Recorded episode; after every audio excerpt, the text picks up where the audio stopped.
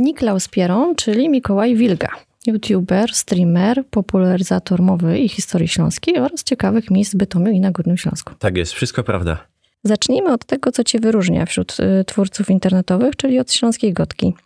Mówisz po śląsku w bardzo naturalny sposób i wiele osób w komentarzach pod twoimi materiałami podkreśla, że lubi cię słuchać. Skąd taka dobra znajomość śląskiego? To jest do mnie bardzo duży komplement, że tak dobrze mówię po śląsku, bo to tak nie zawsze było. Jak miałem tam powiedzmy parę lat, to nie posługiwałem się tą mową za dobrze. Bardziej się znał ze, ze słuchu, y, biernie, rozumiało się dobrze.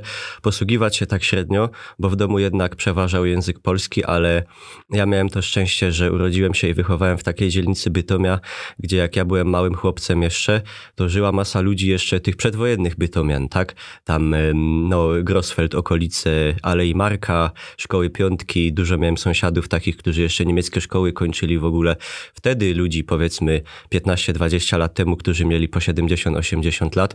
I cały czas gdzieś ta mowa mm, tak jakby otaczała mnie przez to całe dzieciństwo, też się przewijała, też się przewijała w domu, no a potem człowiek jakoś tak, jak zaczął się w ogóle tym Śląskiem bardziej interesować, to też i, to, też, i, też i tym językiem, i też go poznawać też w tekście przez y, na przykład y, czytanie tych książek przełożony na śląski y, od mojego okazało się potem sąsiada pana Grzegorza Kulika, albo czytanie takich portalów jak Wachtych i tak dalej. I zaczął się człowiek nad tym bardziej mm, jakoś skupiać, żeby się też nauczyć jakoś posługiwać tą mową, no i też myślę, myślę, że na dzisiaj coś tam poradza pogodać.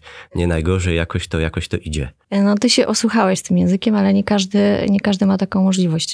Chciałam cię spytać, czy jest możliwość, żeby osoba nie ze Śląska, tutaj nie mieszkająca, mogła się nauczyć gotki? Myślę, że można się tak nauczyć śląskiego jak każdego innego języka. Jak ludzie się uczą po chińsku albo po japońsku, to tym bardziej ktoś się może po śląsku nauczyć. Język, który, umówmy się, do polskiego jest no, mocno zbliżony i myślę, że każdy, każdy by dał radę.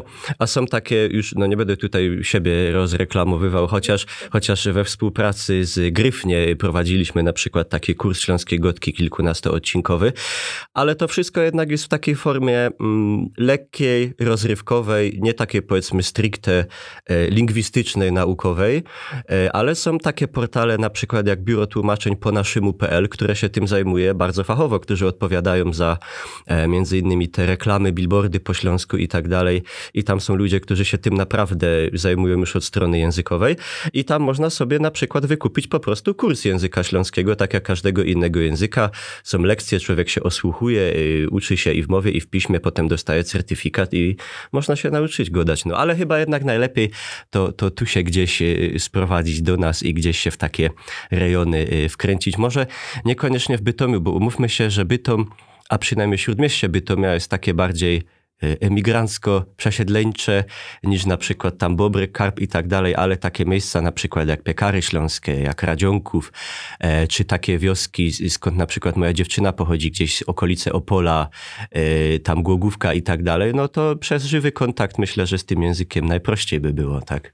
To znaleźć sobie trzeba rozmówcę. Tak jest, właśnie o to chodzi.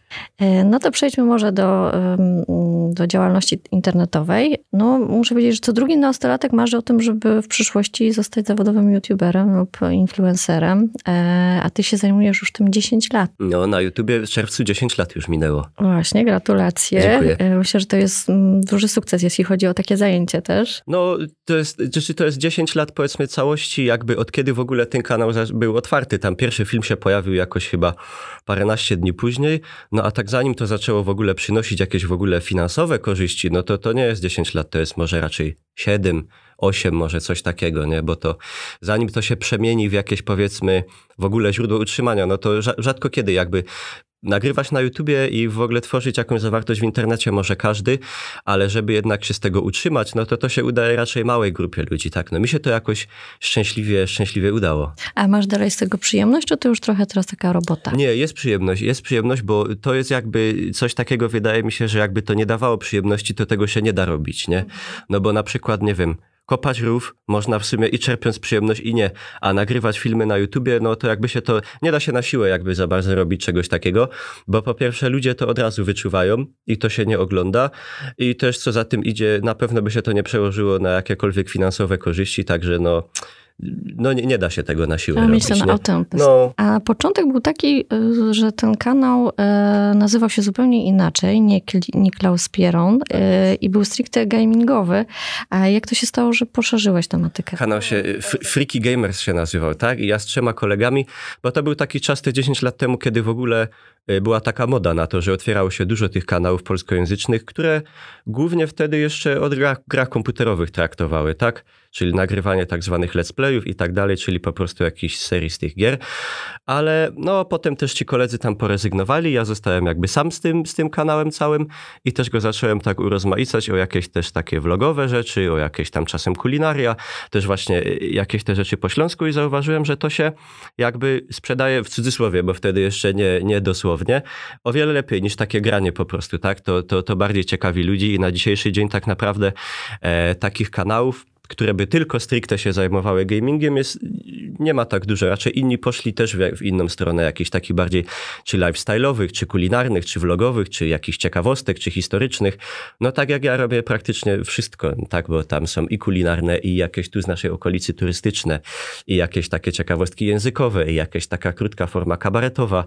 No, także już raczej do, do gier nie ma powrotu, bo tym się raczej na Twitchu zajmuję, tak? Czyli tam na platformie do, do streamowania, do audycji na żywo, tam raczej gry, chociaż też ostatnio remont tam streamuję, bo też tam wszystko można pokazywać, także tak to wygląda. No a właśnie, które, które z tych zajęć najbardziej cię angażuje? No angażuję raczej Twitch, tak? No bo przy jakby y, materiał na YouTube'a wystarczy nagrać, zmontować i wrzucić go i potem on sobie już tam gdzieś sam nabija.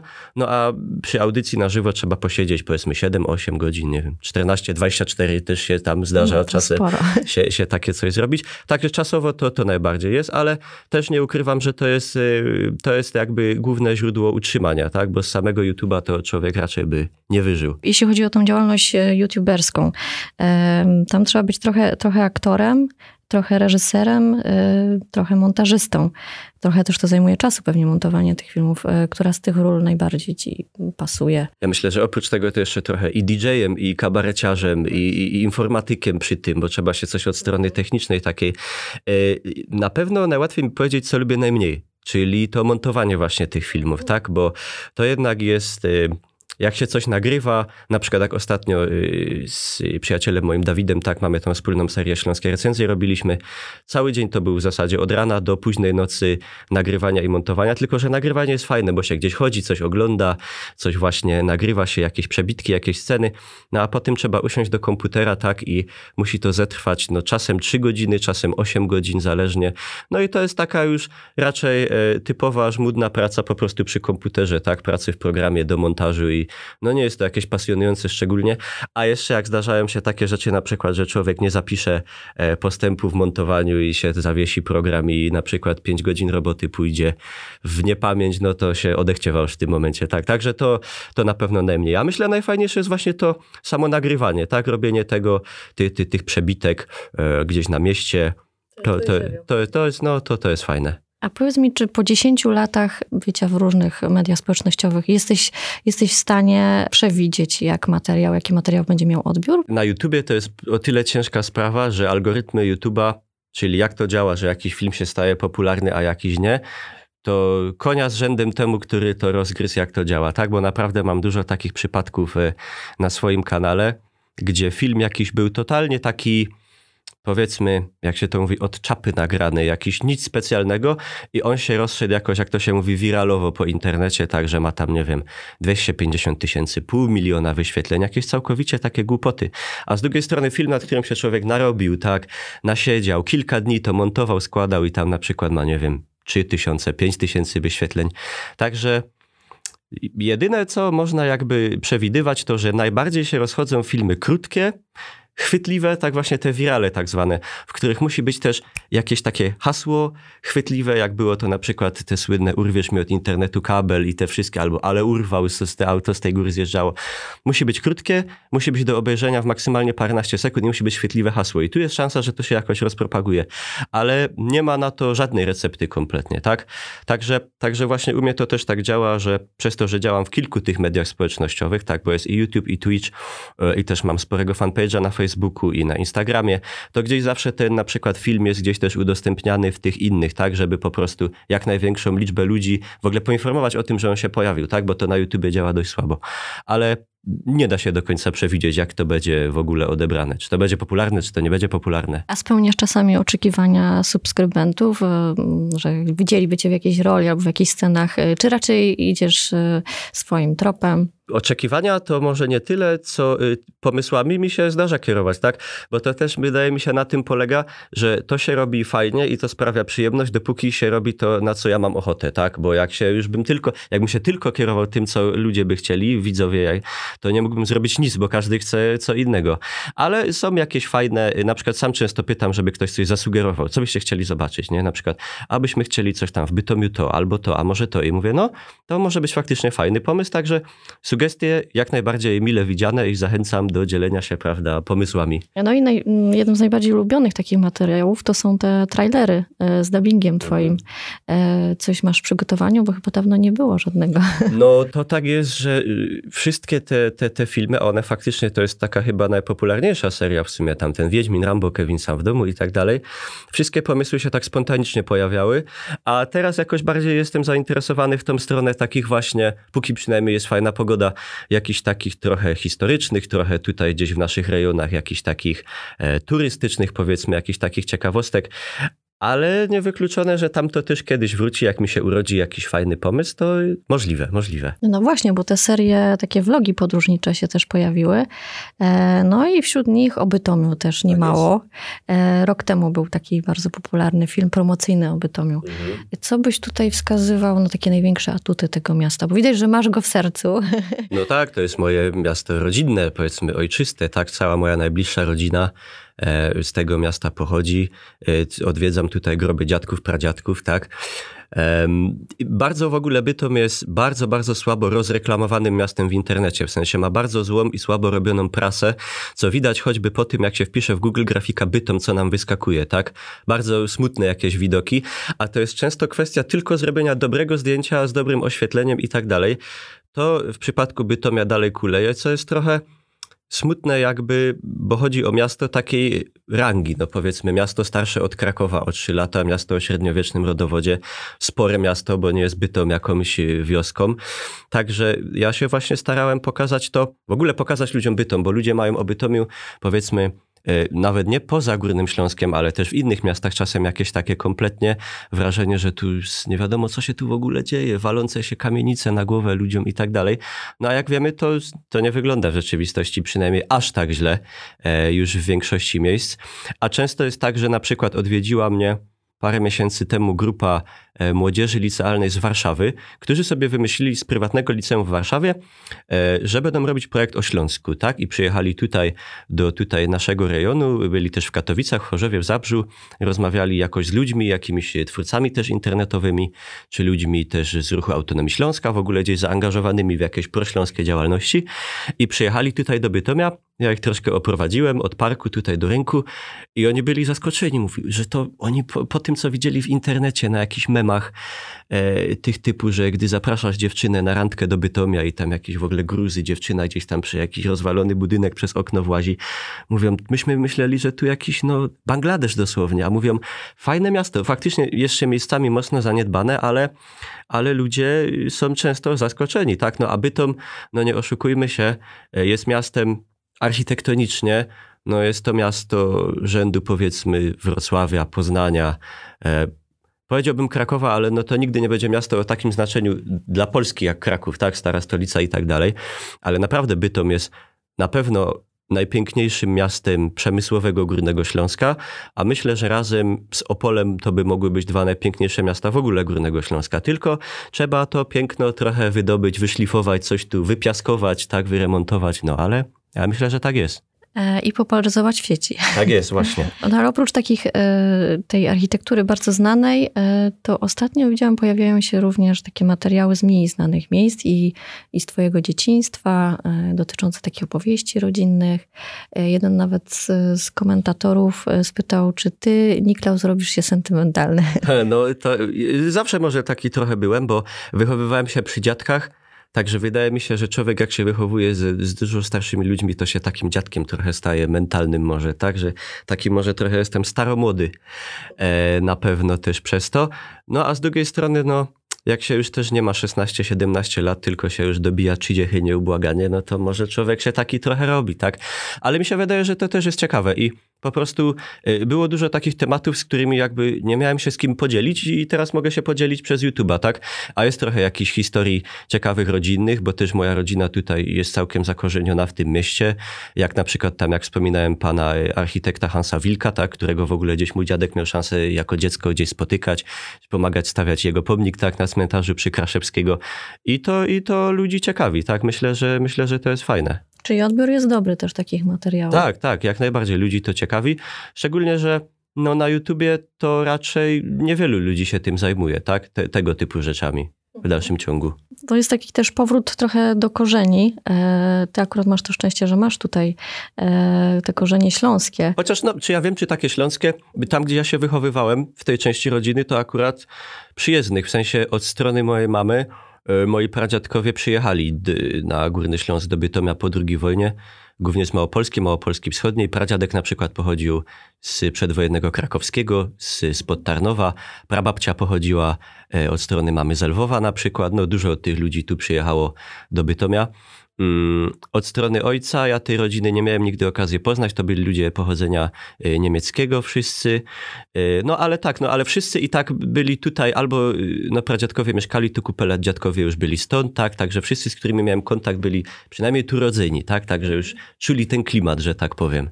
No właśnie, jest taki powrót, taka moda na, na Śląsku już od może kilkunastu lat.